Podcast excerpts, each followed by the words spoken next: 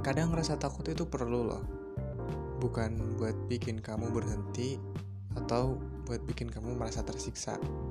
Tapi buat ngasih tahu kamu kalau kita tuh nggak boleh loh merasa nyaman sama suatu hal yang bikin kita tersakiti di lain hari.